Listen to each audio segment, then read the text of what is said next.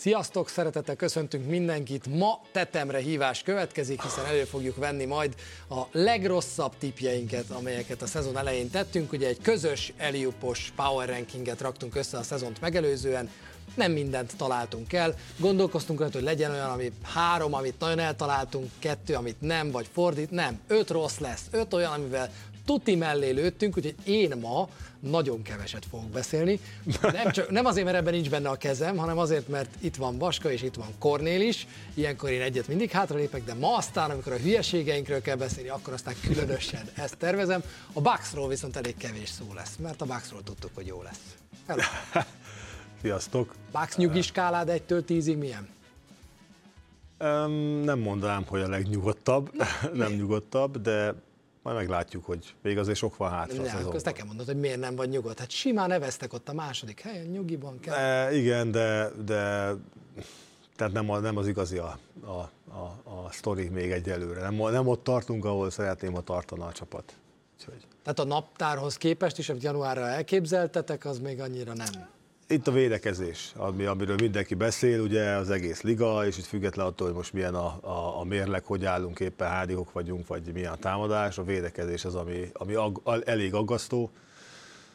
És ugye itt decemberben azért volt szerencsém elég közelről figyelni a, a sztorit mind edzésen, mind mérkőzésen, úgyhogy ott van még még dolgozni. Utolsó két hétben 24 a Bucks védekezése. Mióta Cornél kiment, azt se tudják, hol vannak. Azóta azt se tudják, hol vannak. Volt egy ilyen felfelé, felfelé irány, ami úgy nézett, hogy pozitív lesz, de aztán onnan ismét vissza. A Milwaukee-t ma nem látjuk, ma egyébként az Indiánát és a Boston sem, de hajnali egykor igen, úgyhogy aki éjjel fönnmarad, az láthatja egymás ellen a mostanában megint száguldó pacers és a keleti első Boston Celtics-et, úgyhogy fogunk róluk is majd beszélgetni. Holnap este fél tízkor egy Cleveland San Antonio mérkőzés lesz majd élőben az EMC Mikron, és 23 órától mutatjuk a Sport 2-n, úgyhogy ezen a hétvégén is NBA meccsek bőven, de ha a hó elejé Eliup, akkor jövünk. Ahó, hello.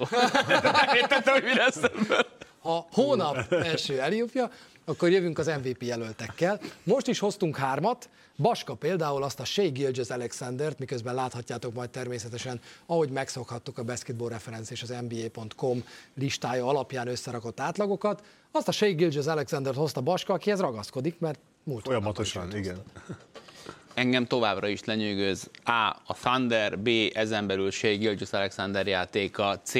Mark Dano-nak az edzői munkája. Shea Gilgis Alexander egy 100 rádobásból dob 130 pontot. Olyan usage rate amilyen neki van az egész ligában, egyetlen ember van, aki vele egy kategóriában van, és az nem Embiid, meg nem, nem Nikolaj Jokic, hanem Tyrese Halliburton, aki ilyen tempóban képes szórni a pontokat, hogy mellé hány gólpaszt ad ki Tyrese Halliburton, azt ne, ne, ne firtassuk.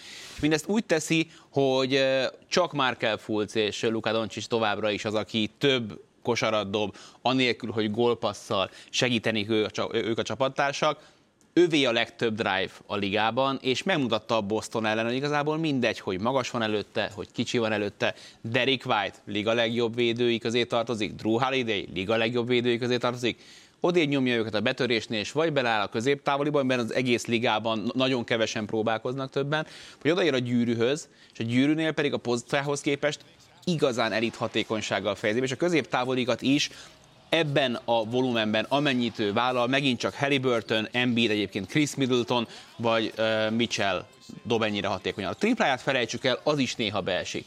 De minden másban ez a fickó valami egészen elképesztő, hogy mennyire hatékony támadásban, és ami még nagyon fontos mellé, főleg, hogyha ennyit van nálad a labda, és ennyit kreálsz, és ennyit varázsolsz, hogy alig adja el a labdát. És itt van az OKC nyugaton második, karácsony óta meg, nem megverték, tönkreverték a Minnesota-t.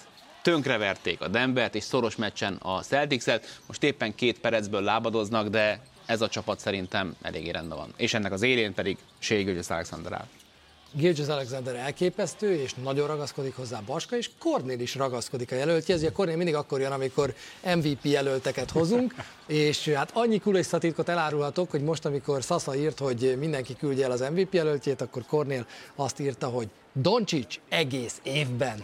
Akkor mostantól áprilisig mehet? Igen, mehet. Egyébként, de a Baskával nehéz vitatkozni, tehát ami, és, és e- pont ezért, ezért gondolom azt, hogy, hogy amit Ségics és Alexander csinál, az, az tényleg egyedi, egy, egyelőre. Úgyhogy ilyen számokat, természetesen meg ilyen produkciót, meg, meg minden egyebet nem is, nem is mondanék. Inkább én annyit mondanék a Luka Doncsicsal kapcsolatban, hogy, hogy én azt gondolom, hogy egyébként a három jelölt között, akikkel beszéltünk, neki van a leggyengébb kiegészítő csapattársai, úgy mondom, és ráadásul még hiányzott egy jó csomó mérkőzés Kyrie Irving is, aki most ért vissza. És ennek megfelel, vagy ennek ellenére jó, becsúsztak vereségek, de zömmel azért én azt gondolom, hogy jól, jól uh, sáfárkodott mind a percével, mind a pontjaival, mind a hátán cipelte a saját csapatot, és, és a saját csapattársai is természetesen dicsérték, mindenki dicséri, de kicsit úgy érzem, hogy Luka Doncic esetében mindenki most már ezt természetesnek veszi azt, hogy ő, ő így játszik, és, és amikor természetesnek veszel valamit, akkor már meg se lepődsz azon, hogy ő most megint 35-40 pontokat dobál, és, és hogy játszik. De én nézem minden Dallas meccset egyébként a Bucks mellett, ez a két csapat, akit minden mérkőzését megnézem, és, és továbbra is azt gondolom, hogy ő a liga előbb-utóbb előbb-utóbb nem lesz kérdés, hogy ő a liga legjobbja. Mint játékos, őt jelenleg a liga legjobb játékosának gondolod? Én az, azt hiszem, hogy, hogy még, nem tar, nem, még, ne, még nem érte el a csúcs, csúcsot, mert ugye nál is a védekezés az, ami a, ami a, a, a kardinális pont volt mindig is, hogy a védekezésben mennyit tesz hozzá, de ebbe is szépen lépeget, azt gondolom előre, és egy-két év múlva ott lesz, ott lesz, hogy ő vita nélkül lesz a legjobb csak azért, mert érinti majd a te jelöltedet, szerintem az, hogy ki a legjobb, azt nagyon sok szempontból érdemes vizsgálni, és nagyon nehéz. Hmm. Én három olyan játékos tudok most az NBA-ben, akiket kiemelnék így a topba, hogy azhoz képest, amit kaptak a Jóistentől, és amit az ő pozíciójuk predestinálná őket, hogy mit kell mutatni, szerintem hárman vannak, akik valami egészen más mutatnak. Luka Doncic, aki kvázi irányító poszton, bár két méter egy magasan azért nagyon más adottságokkal rendelkezik, olyan okosan fűzi az összes NBA védelmet, ahogy akarja. A másik Nikolaj Jokic, aki ahogy passzol, és a harmadik pedig Joel Embiid, akiről majd te fogsz beszélni, hogy miért, de hogy ő centerként a leghatékonyabb középtávolizója jelenleg az NBA-nek, azért az megint csak nem normális. Tehát őket hármukat így külön tenném. Igen, én ebben egy követ fújok ebben a hónapban az NBA.com-mal, ott ugye előzött a hónap közepén Joel Embiid, és aztán ott is maradt az első helyen.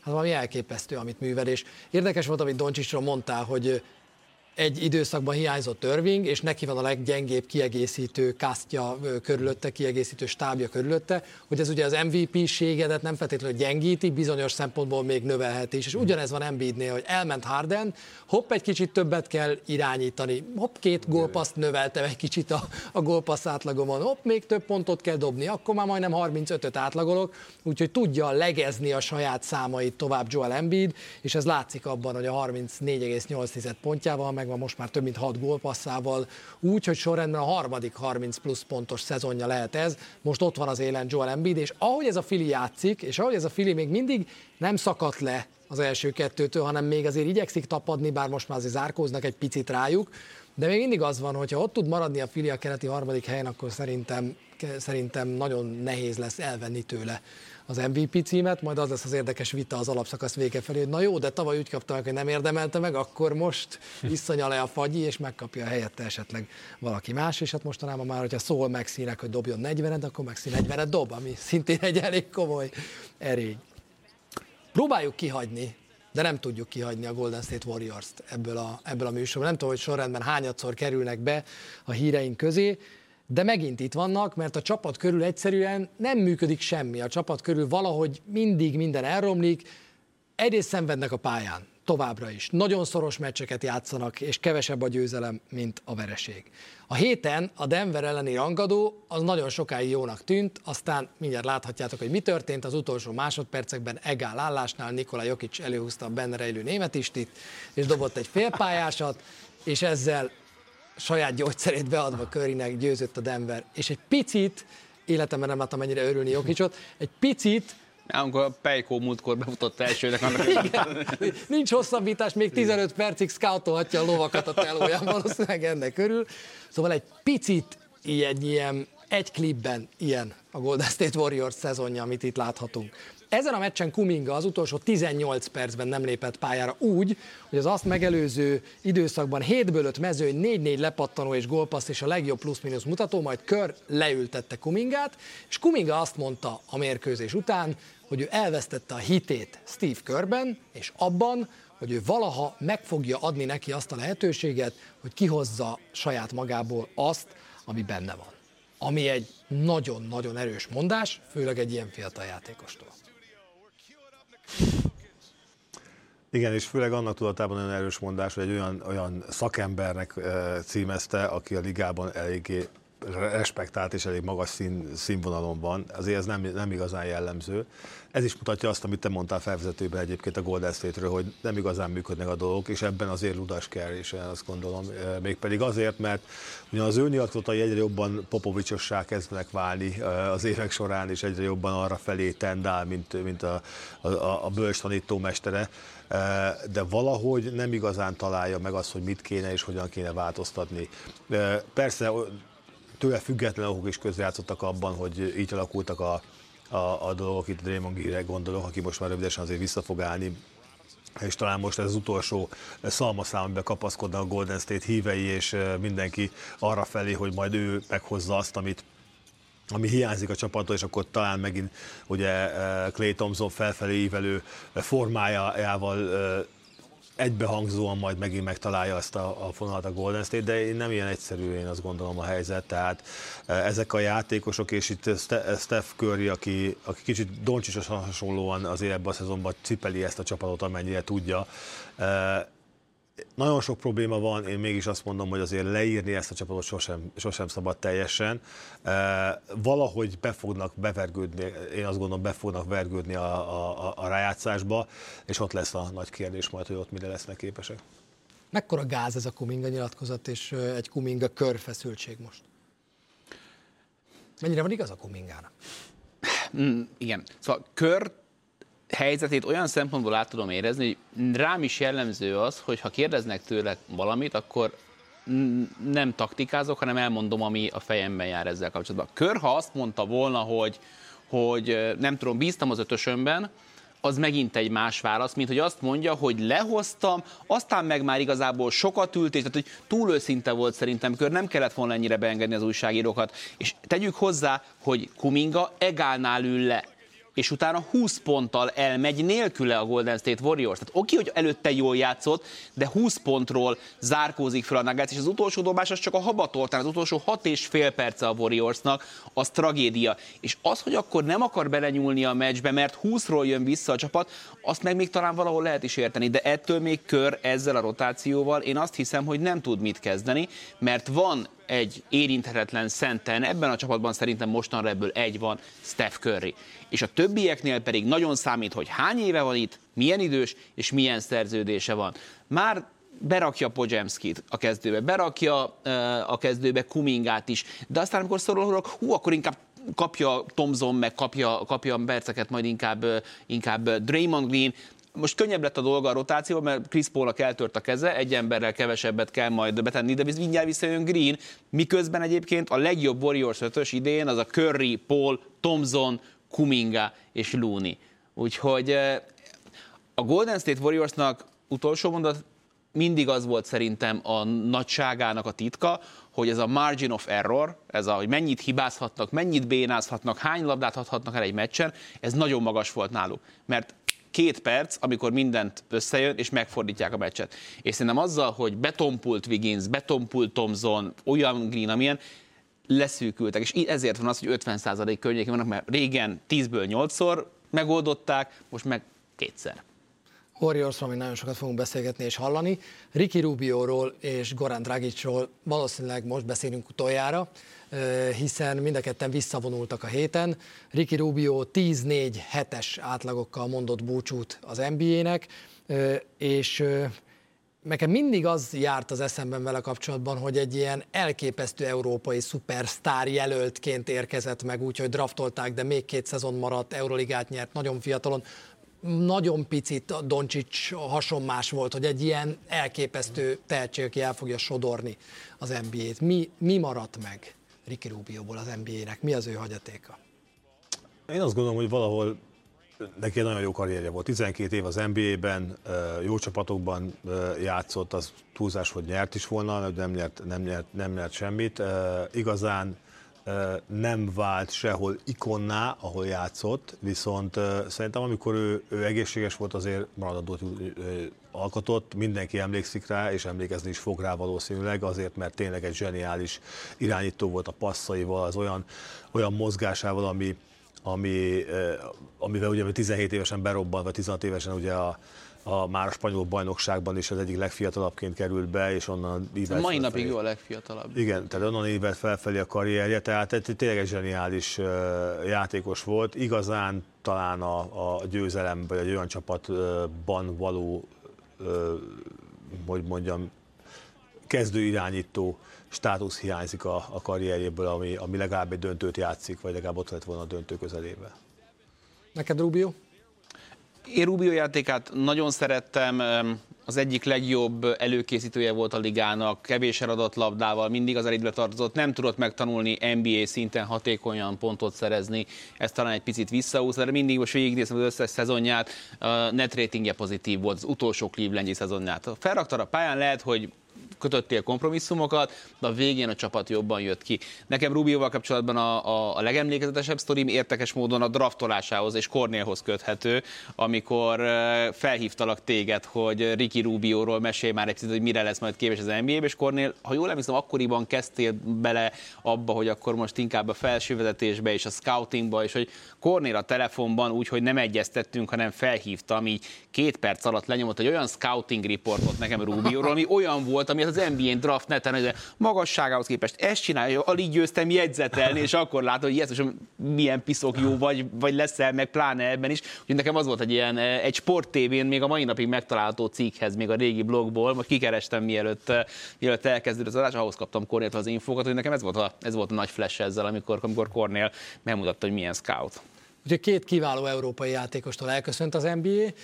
Mi most még nem köszönünk el, hanem majd jövünk vissza, hogy nem sokára az ökörségeinkről, a hülyeségeinkről, a mellélövéseinkről beszéljünk, amelyeket néhány hónapja tettünk meg, úgyhogy egy rövid szünet, és folytatódik az eljött. Folytatjuk az Eliupot még hozzá, a szezon előtti power rankinget hasonlítjuk a mostani álláshoz, vagyis megnézzük, hogy most nagyjából 30 mérkőzés után hol is tartunk ahhoz képest, amit az Eliup szerkesztőségeként mondtuk, mondtunk az idény előtt.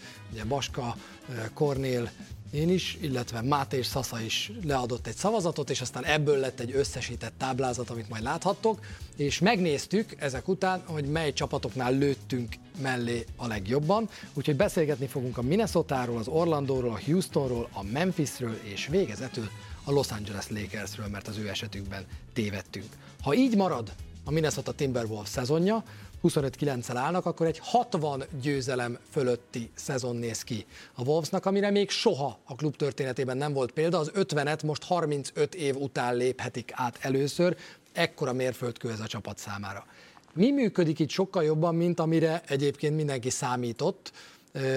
Edward, a két magas, a körülöttük lévők, az, hogy Baska összehaverkodott Fincsel nyáron, mi, mi, az, ami, mi az, ami ennyi, ugye te hatottál a Bucksra, lehet a Baska a Wolvesra.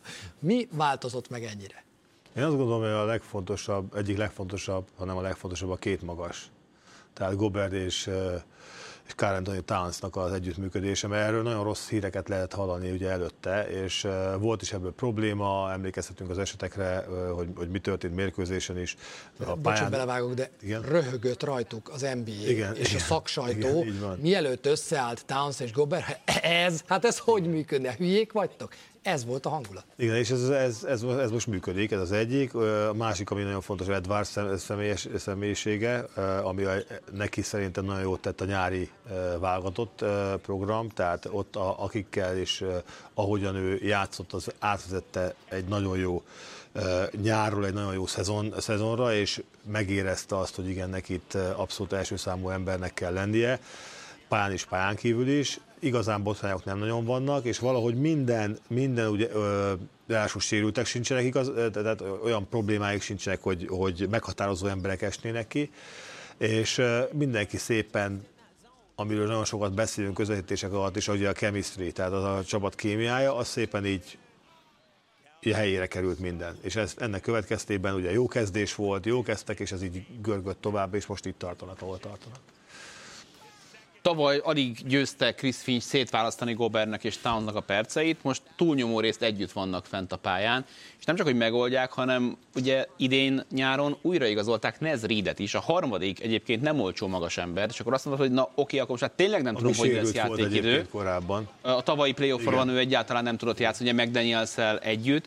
Most ott tartunk, hogy mind Carl Anthony Towns, mind Nez Reed hozza az 50-40-90-et mezőnyből, triplából és büntetőből, jó, hiba határon belül egy picivel alatta vannak. Tehát két pusztítóan hatékony, hátvédek dicsőségére váló mezőmutatóval rendelkező magas embered van, és egy olyan Rudi Gobereda pedig, köszönjük szépen, pályafutás alapján nagyon kevésszer kapott ilyen kevés lehetőséget támadásban, de ennek ellenére ez nem látszik a játékán. És aki, aki játszott már kosárlabdát, hogy tudod, amikor, hogy hatodszor zársz és válsz le úgy, esélyed nincs, hogy megkapd a labdát, de Rudi Gobert hetedszer is úgy megy oda megcsinálni, hogy, hogy, hogy ez, ez, ez hihető legyen, hogy nem csak egy, nem csak egy, egy csali ő ott, és nekem a, a, a Miami túrának az egyik legnagyobb flash az volt, amikor a Miami Minnesota meccsen Miami-ban Rudi Gobert hány dobást változtatott meg, hányszor fordult vissza bárki a Miami-nél, Ben Adebayoval kezdve. Szóval ez az egyik dolog, ami szerintem nagyon-nagyon fontos, és amit Edwardsról mondtál, hogy csak négy kategória, pontátlag, gólpasszátlag, mezőnyátlag és tripla átlag, amiben Edward zsinórban negyedik évben tud emelni. Nem lett belőle 30 pontos játékos, de ennek a minnesota most nincs is szüksége rá. A liga top védekezése egy átlagos támadójátékkal. Én azt hiszem, hogy amit régen mondtak, hogy védekezéssel lehet bajnokságot nyerni, ez olyan kitétel igaz, hogy de azért legyen mellé egy top 10 támadójátékod is, és elbírnak még egy kicsivel több hatékonyságot, én azt gondolom, mert gyűrű alatt annak ellenére, hogy ennyi magasuk van, csak átlagos ez a csapat.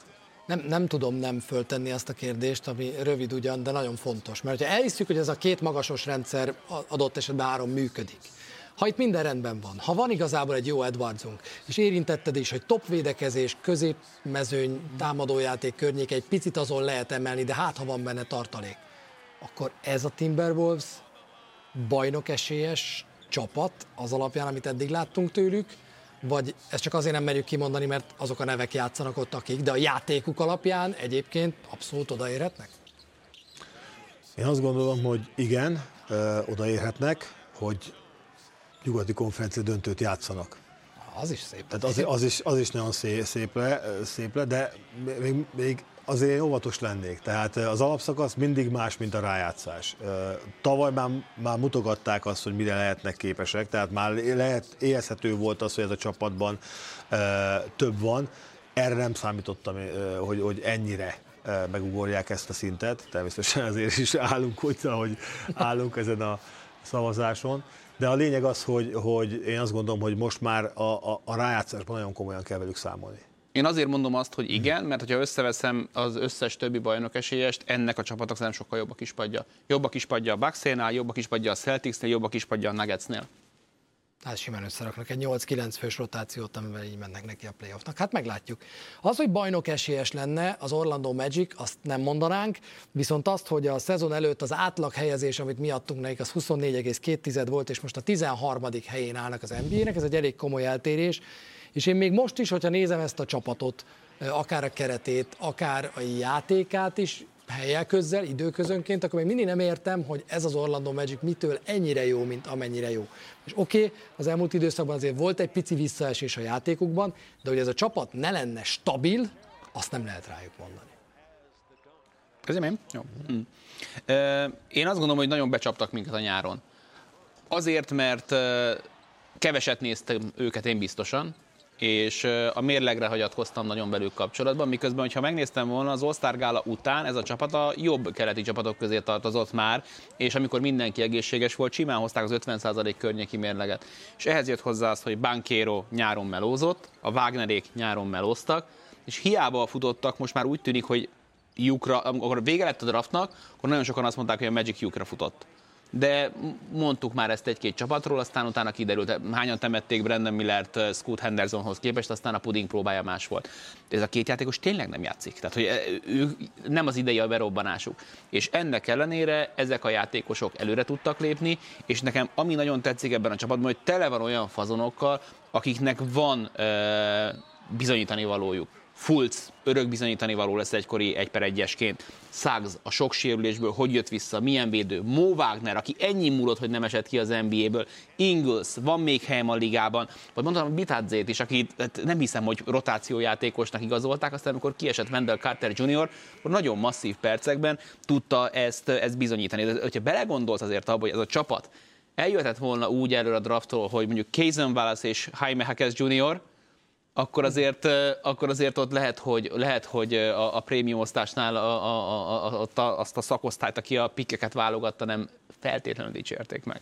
Rengeteg büntetőt dobnak, bocs, és nagyon masszívan támadják a gyűrűt, és odaérnek emiatt a vonalra. És úgy tűnik, hogy ez a csapat, ebben nagyon-nagyon sok lehetőség van, hogyha valamerre el akarnak mozdulni, akár sokan mondják velük kapcsolatban, hogy ha egy komoly játékost még idehoznak, és kettőt, hármat a most nyilván magasan lévő, magasra értékelt játékosokból elpasszolnak egy nagyért, akkor ebből egy nagyon ígéretes csapat lehet a következő három évre. Mennyire álomjátszót érez most egy, egy GM vagy egy, egy elnök számára? Én, én azt gondolom, hogy, hogy és Ugye Orlandóban ott voltam ezen a showcase és uh, ott, ott volt, uh, nagyon sokan ott voltak, és persze volt szerencsém beszélni is az orlandóiakkal, köztük a, a teát. Dáviddal is. Igen, meginterjú volt sráccal.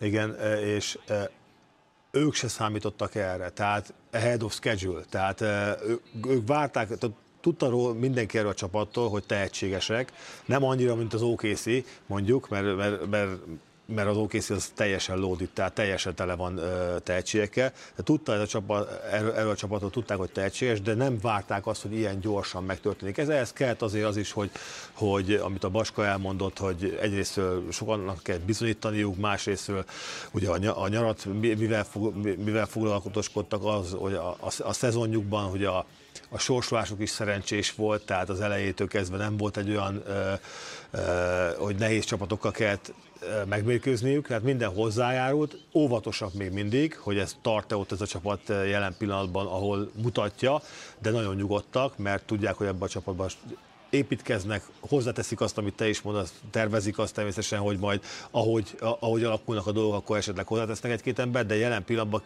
megvárják. Azt nem idén. Nem idén, megvárják azt, hogy ez a csapat idén mennyire tud kifutni, és majd a következőek fogják megnézni, hogy mi lesz, mi lehet. Egy vagy-vagy kérdésem lehet Kornélnak nagyon Persze. rövid. Ha választhatsz, akkor melyik modellt választanád GM-ként az Indianáit, vagy az Orlandóit? Kifejtem.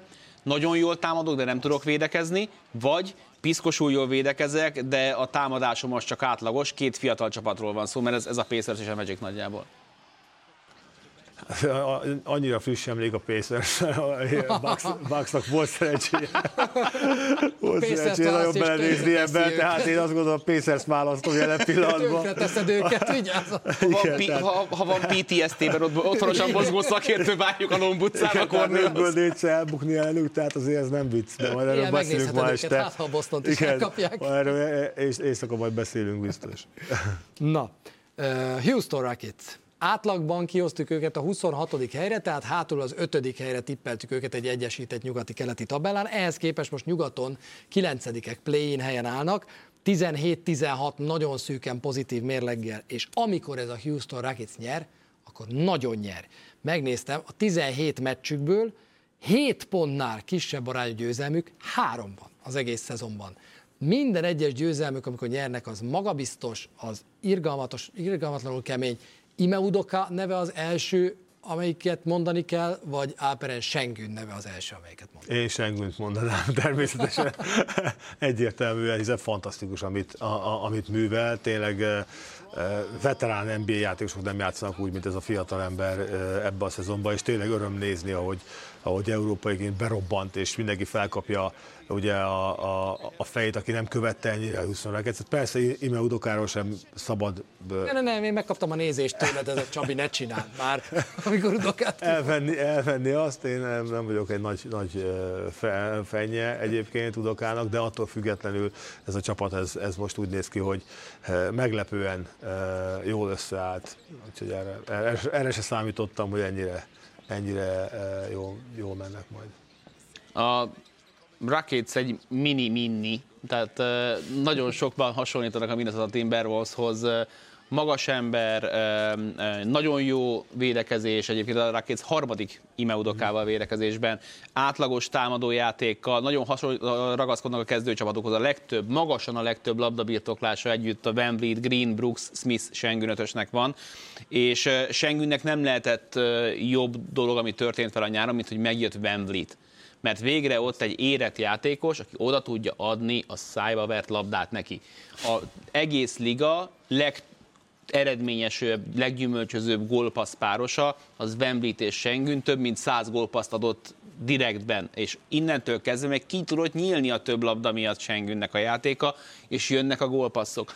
Ami aggasztó ennél a csapatnál az az, hogy Greennel nem tudom, hogy mi a helyzet, és hogy nála lesz-e következő fokozat esnek vissza a számai, és oké, hogy megjött Van és Brooks köré, és oké, hogy Schengen több helyet kap, de a dobás mutatói is, és ez, ez a visszalépés, ez azt gondolom, hogy nem bizalomgerjesztő, és azért emlékezzük vissza, hogy amikor csinálta ezt a nagy rebuildet a Sixers, akkor az a rengeteg zakó azért egy-két játékosból egyszerűen nem tudott győztes karaktert faragni, és nem tudom, hogy Greennek hol lesz majd a vége.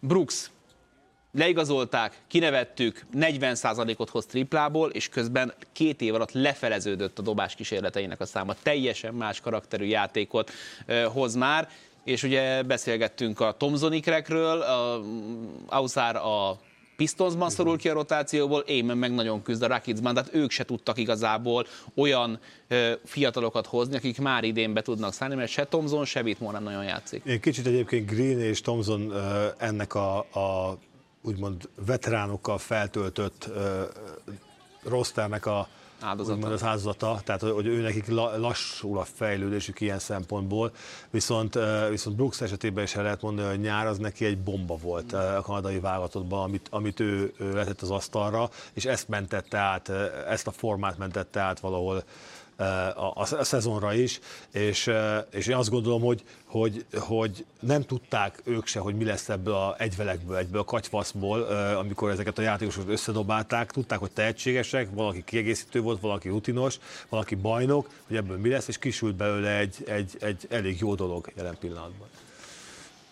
Most legyünk nagyon okosak. Mi hárman voltunk a legpozitívabbak a Memphis Grizzlies-zel kapcsolatban, amikor a szezon előtt mondani kellett valamit. 8,6 volt az ő helyezés átlaguk, jelenleg ez a Memphis a 25 Ugye akkor már tudtuk, hogy Jamorant nem lesz, de egy csomó mindent nem tudtunk egyébként enne, ezzel a csapattal kapcsolatban. Azért az engem meglep, hogy a basketball reference, amit sok okból én nagyon szeretek, de sokokból nem, 0,0 százalékot ad jelenleg arra, hogy a Memphis bekerül a rájátszásba. Csak a San Antoniak és a Portlandnek adnak nulla százalékot, szerintem ennél lehetünk bátrabbak, úgyhogy arra kérlek, hogy amikor a Memphis-i értékelitek, nyugodtan. Jó, az itt a Charlotte-ot be. Hogyha ha mondanátok egy százalékot, hogy mennyi eséllyel lesz itt szerintetek a Memphis Grizzlies a rájátszásban. Ugye Jamorant előtt és Jamorant utáni korszak, a Morant utáni korszak jött 4-0-val, amikor Morant visszatért, azóta már 5-4, azóta volt egy 1-4-es sorozatuk is, úgyhogy egy kicsit megzakkant, megzökkent a dolog. Én 15 százaléknál most nem adok neki playoffra? a playoffra. Uh. Sima playoff, vagy pedig a... Bejönnek. Hogy, hogy be, az első körben ott lesznek, lesznek valahol. Ott lesznek az első körben. Én is körülbelül e, e körül gondolom. 15-20 százalékot. Oké, okay, 5 meccsre vannak a play-intől, 8 és félre a playoff-tól, az már azért elég, az már azért elég masszív távolság. De még rengeteg meccs van hátra. Tehát, és John Morant az az a játékos, aki, aki meg tudja fordítani, én ezt, azt gondolom ezt a...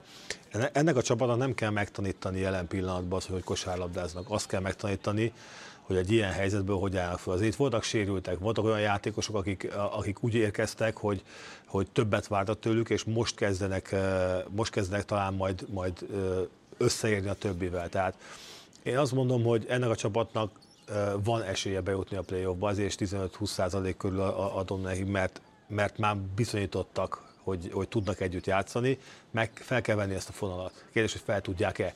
Úgyhogy ez, ez lesz a nagy kérdés. Én azt gondolom, hmm. hogy egy nagyon fura csapatról beszélünk abból a szempontból, hogy három hátvéddel játszanak igazából, tehát Morent, Smart és Bain kezd most együtt, ahonnan a legmagasabb Bain, aki 6 láb 5, tehát még két méter alatti, majd ehhez van egy 6 láb 8-as centerük Biombo és egy 6 láb 10-es Jaren Jackson Jr. Tehát pont az a játékos, akikre mondjuk egy Toronto csapatot épít, ilyen 6-7-6-8-as atlet, na ebből egy sincs ebben a keretben. Ilyen, nem nagyon látsz ilyen kezdőcsapatot, és ennek megvan a maga előnye és hátránya. Most a Lakers pont kitömték 20 valahány triplával, de amikor nem sülnek ezek a dobások, szerintem ennek a csapatnak lesznek még gondjai. Vannak meglepő karakterek, Vince Williams például a semmiből milyen jó perceket hoz meg ad nekik, de amikor Cornél azt mondja, hogy ez a csapatnak a sérülései voltak, ennél a csapatnál azért elég jelentős sérülés potenciál van Jackson Juniorban, Bainben és Morantben is, és amikor majd megyünk az All-Star hétvége után, szinte biztos, hogy a nagy nyugati betétársaknál lesz mozgolódás, lesz erősítés, elindul majd a Lakers, elindul majd a Warriors, tehát ezek, a, akik most még jelenleg mögöttük is lehet, még, bocs, előttük vannak még jelenleg, ezeket meg kéne előzni. Kiket fogsz tudni megelőzni? És ha már Jackson Juniorról beszéltünk, 36 percre vetítve nem tudott a fickó előre lépni Morant nélkül 25 meccsen keresztül, ami szerintem gáz. Hát például a lakers megelőzhetik. Ahogy a Lakers kinéz, a LeBron James is azt mondta egy Memphis elleni vereség után, hogy we suck right now, fogalmazott irodalmi stílusban. Az előző 10-ből 8-at bukott el a Los Angeles Lakers, négy vereség zsinórban. Hat különböző forrás pedig azt állítja, lehet, hogy mindenkinek LeBron írt Whatsappon, hogy Darwin Ham állása veszélyben van a Lakersnél. El tudjuk azt képzelni? Ez tipikus ilyen uh, Lakers land hogy vagy ott, LeBron lenne, nem? Vagy LeBron lenne. Tehát mindig történik valami. Ha kikap a csapat, akkor mindenki a fejét követeli mindenkinek, mozog a, a pad, katasz, hatalmas dráma van az öltözőben, tehát minden tört egybe az edző fejét követelik. Ugye a Lakersnél ez rendszeres volt az Lakers történet alatt, hogy nagyon könnyedén elengedtek edzőket, hanem úgy alakult a dolog, ugye, ugye és és hát most persze, most Hem van ott azon a, a, a bizonyos remegő kispadon. Én azt gondolom, hogy inkább a nagy probléma, és azért lőttünk, me, lőttünk nagyon, vagy hát nem nagyon, de mellé a dolgoknak, mert én azt gondoltam, hogy Davis nem lesz egészséges, meg fog sérülni. Ugye csúnyán fejezem ki magam, mert még elő is fordulhat, de ennek megfelelően ő nem sérült meg, sőt, nagyon megfelelő számokat produkál LeBron James-el egyetembe, viszont a kiegészítő játékosok meg semmit nem tesznek hozzá gyakorlatilag, vagyis hát nem azt teszik hozzá, amit hozzá kéne tenni, és itt van a kutya elásva egyébként szerintem. Na, a, a, a kérdés, bocs, hogy Hemnek van igaza, hogy sérülések, sérülések, sérülések, amiatt tartunk itt, vagy azoknak, akik azt mondják, hogy össze-vissza keveri a rotációt, és még mindig nem tudja januárban, hogy hogyan is álljon fel ez a lég. Egyik a másikból következik valahol. Tehát az, hogy nincs állandó rotáció, hogy nem hozzák az emberek azt, amit ő, ő és más is elvállalt tőle, ez mind, mind a következmény annak, hogy keresi azt a megfelelő ötöst, aki legalább hosszabb távra lehet számítani, mert ugye nem lehet számítani, már ezer, biztos látod, az összikából hányféle kezdőtössel játszottam, majd el fogod mondani, de egyszerűen nincs meg az a stabilitás, ami, ami, ami kellene LeBron James és Davis mellé, hogy lehessen valakikre számítani. Ez egyelőre nincs meg.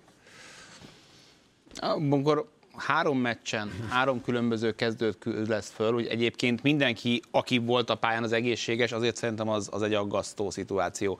Bele, ne, szerintem most már ciki Hemnek a sérültekre hibatkozni. Ennél rosszabbul csak LeBron Jamesnek az a nyilatkozata öregedett, amikor közölte december 10 án hogy hát persze, hogy gyengék vagyunk, hát nézzétek meg, hogy a Pacersből is mit kivett az in-season tournament, azóta 7-2 a Pacers mérlege, és 2-7 a Los Angeles lakers -é. Ez nem a legjobban öregedő interjúja volt LeBron Jamesnek. Én azt gondolom, hogy ennél a csapatnál, nem tudom, szóval Anthony davis kapcsolatban ránézek a számokra, és azt mondom, hogy tök jók és aztán utána elkezdem túrni a statokat, és most ma, ma tényleg az egész napot a Cleaning the Glass-en töltöttem, és ennek a csapatnak két elit támadó játékosa van. LeBron James és Austin Reeves. És akit kritizálnak a leg, egyik Akit legjobban. egyébként kritizálnak. De Anthony Davisnek nincs egyetlen olyan támadó statisztikája sem, ami elitnek bizonyulna.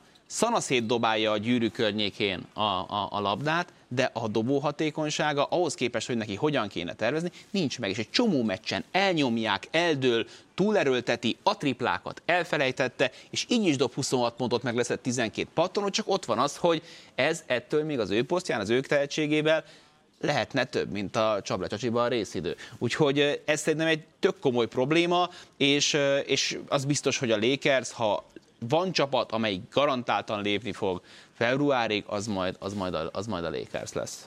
Egy mondat még rosszul öregedő LeBron James nyilatkozatokról. Volt egy a Memphis elleni vereség után is, amikor ugye utolsóként, bár már nem nagyon volt kedve nyilatkozni Jamesnek, miután feltette a sapit, de azért félmeztelenül az újságírók rendelkezésére állt. A spanyol újságíró feltette a kérdést Ricky Rubio visszavonulásáról, mire James, tehát ha szemmel ölni lehetne, akkor szegény spanyol kollega már rég halott lenne, és azt mondta, hogy Ricky, én nagyon szeretlek téged, és ez most nem neked szó, hanem annak az újságírónak, amelyik nem tudja megfelelő pillanatban feltenni a kérdést.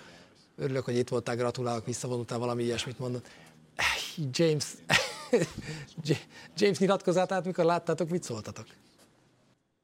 Én voltam a túloldalon, én kérdeztem hülyeséget All-Star Gálán Kevin love amikor uh, kinézett a PRS-ére, emlékszel? Persze. Azt mondom, hogy ki kell rugatnom a PRS-emet, amikor ilyen embereket enged elém, amikor kérdeztem egy oda nem illőt. Szerencsétlen kiment, valószínűleg nem egy Spanyolországból állandóan kiküldött beatwriterről volt szó, hanem kikerült, mint ahogy én Miami-ba, és akkor itt volt a lehetőség, hogy megkérdezze rosszat kérdezett. Szerintem LeBron James egyébként pont az a játékos, aki 10-ből 9 és félszer átgondolt, mély válaszokat ad ezekre a De kérdésekre. Hallotta, hogy, hallotta az akcentus. Tehát én, én nem, biztos, nem biztos, hogy értette a kérdést. de kapaszkodnom kellett, hogy pontosan mi történik benne, de ah, igen, igen, nem tudom. Mondjuk én is próbáltam a legkeményebb hanglisomat elővenni, amikor Popovistól kérdeztem, hogy rendes legyen velem, ez igaz. Ez igaz. Na jó, Én ezért nem, ben, én nem, ben, nem, nem volt elegáns, de nem venném elő ezzel, és, és Rubioval kapcsolatban meg, meg valóban próbált jó fejlődni, de igen. Tartunk egy rövid szünetet, Kornél számára az utolsó szegmens az fakultatív, hiszen az Indiana pacers fogunk majd beszélgetni, de nyugodtan maradjál, hiszen majd fogod őket látni eleget. Most tartunk egy rövid szünetet, és aztán a Pacers és a Celtics is előkerül, hiszen az ő meccsüket közvetít. Itt elférsz magzatpózban is. Már nem kell sokat várni, és hajnali egykor jön a Sport egyen, majd Baskával és Kornéllal a liga egyik legjobb formában lévő csapata, a hat győzelemmel álló, az elmúlt hat meccsét megnyerő Indiana Pacers és a Boston Celtics a keleti első csapat, és azt se felejtse el senki, hogy holnap este fél tízkor az EMC Mikron élőben, 11-kor pedig a Sport 2-n Cleveland San Antonio mérkőzést közvetítünk, úgyhogy előre is további jó NBA nézést kívánunk a hétvégére mindenkinek. Vegyük elő egy picit az Indiánát és a Bostont. Az Indiánát azért, mert a legfrissebb hír velük kapcsolatban, hogy Buddy Hill-től nagyon szívesen megválna ez az Indiana Pacers. Ha megválnak Buddy Hill-től, milyen karakterű játékosra lenne szükségük, hogy ez a csapat ez húzzon egy olyat, amitől még jobb lesz, és még erősebb, és esetleg még gyorsabban tud játszani, ha azt egyáltalán lehet. Én egy free típusú atletikus, hát ami, minden csapatba kell, tehát hogy ez a csapat a palánk alatt Masterre nagyjából megvan, kettes, hármas poszton ott szerintem, ott szerintem elbírnának több volument, meg felállt védelem elleni kreátor típusú játékost, amikor nem Tyrese Halliburton csinál mindent. Mi, mi le, nem akarom forgatni a tör, de láttad őket jó párszor most van. Mi az, ami a leginkább meglepett ezzel a pacers kapcsolatban, amit nem mondom, hogy más csapattól még nem láttál, de amire azt mondtad, hogy hát ezek ebben rohadt jó.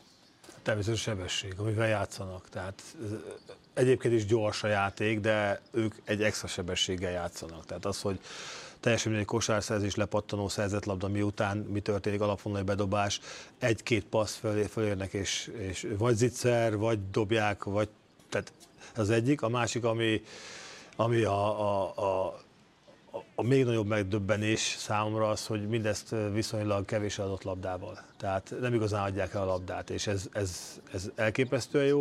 És amit Carline mondott Buddy hill kapcsolatban, az, hogy ugye kevesebbet játszik, vagy más a helyzet, de viszont azt mondja, hogy rendkívül pozitív személyiség. Tehát, és ez meglepő egyébként Buddy hill kapcsolatban, mert ő róla azért nem, az, nem ez volt korábban a, a köztot, hogy ilyen cheerleader típusú, a padon tekergetem a között, ha nem játszom, vagy nem, nincs olyan feladatom, hát ő se tekergeti még, de, már, de, de tapsol és, és biztatja a társait, és ezt tartja egyébként Carlisle a legnagyobb fegyvének ennek a csapatnak jelen pillanatban. Persze, amikor nyer a csapat, akkor könnyű minden, minden klappol, de azt mondja, azt mondja, hogy egyrészt tudja mindenki a helyét, a másrészt mindenki ki a legnagyobb azt mondja edzőként, amit leggyorsabban elérteni a csapatnál, ami tovább tartott volna, hogy minden, tehát senki nem akar kilépni abból a karakterből, abból a szerepből, amit ő e, vizionált ezeknek a játékosoknak, tehát elfogadták már most ezt, és ezért nyer a csapat igazán. Tehát e, ez, ez, ez ennek örül legjobban. Pár mondat még a Boston Celticsről, de őket már nagyon sokat dicsértük, ott minden klappol, ott jönnek a győzelmek. Engem egy dolog érdekel. Itt van ez az All-Star szavazás.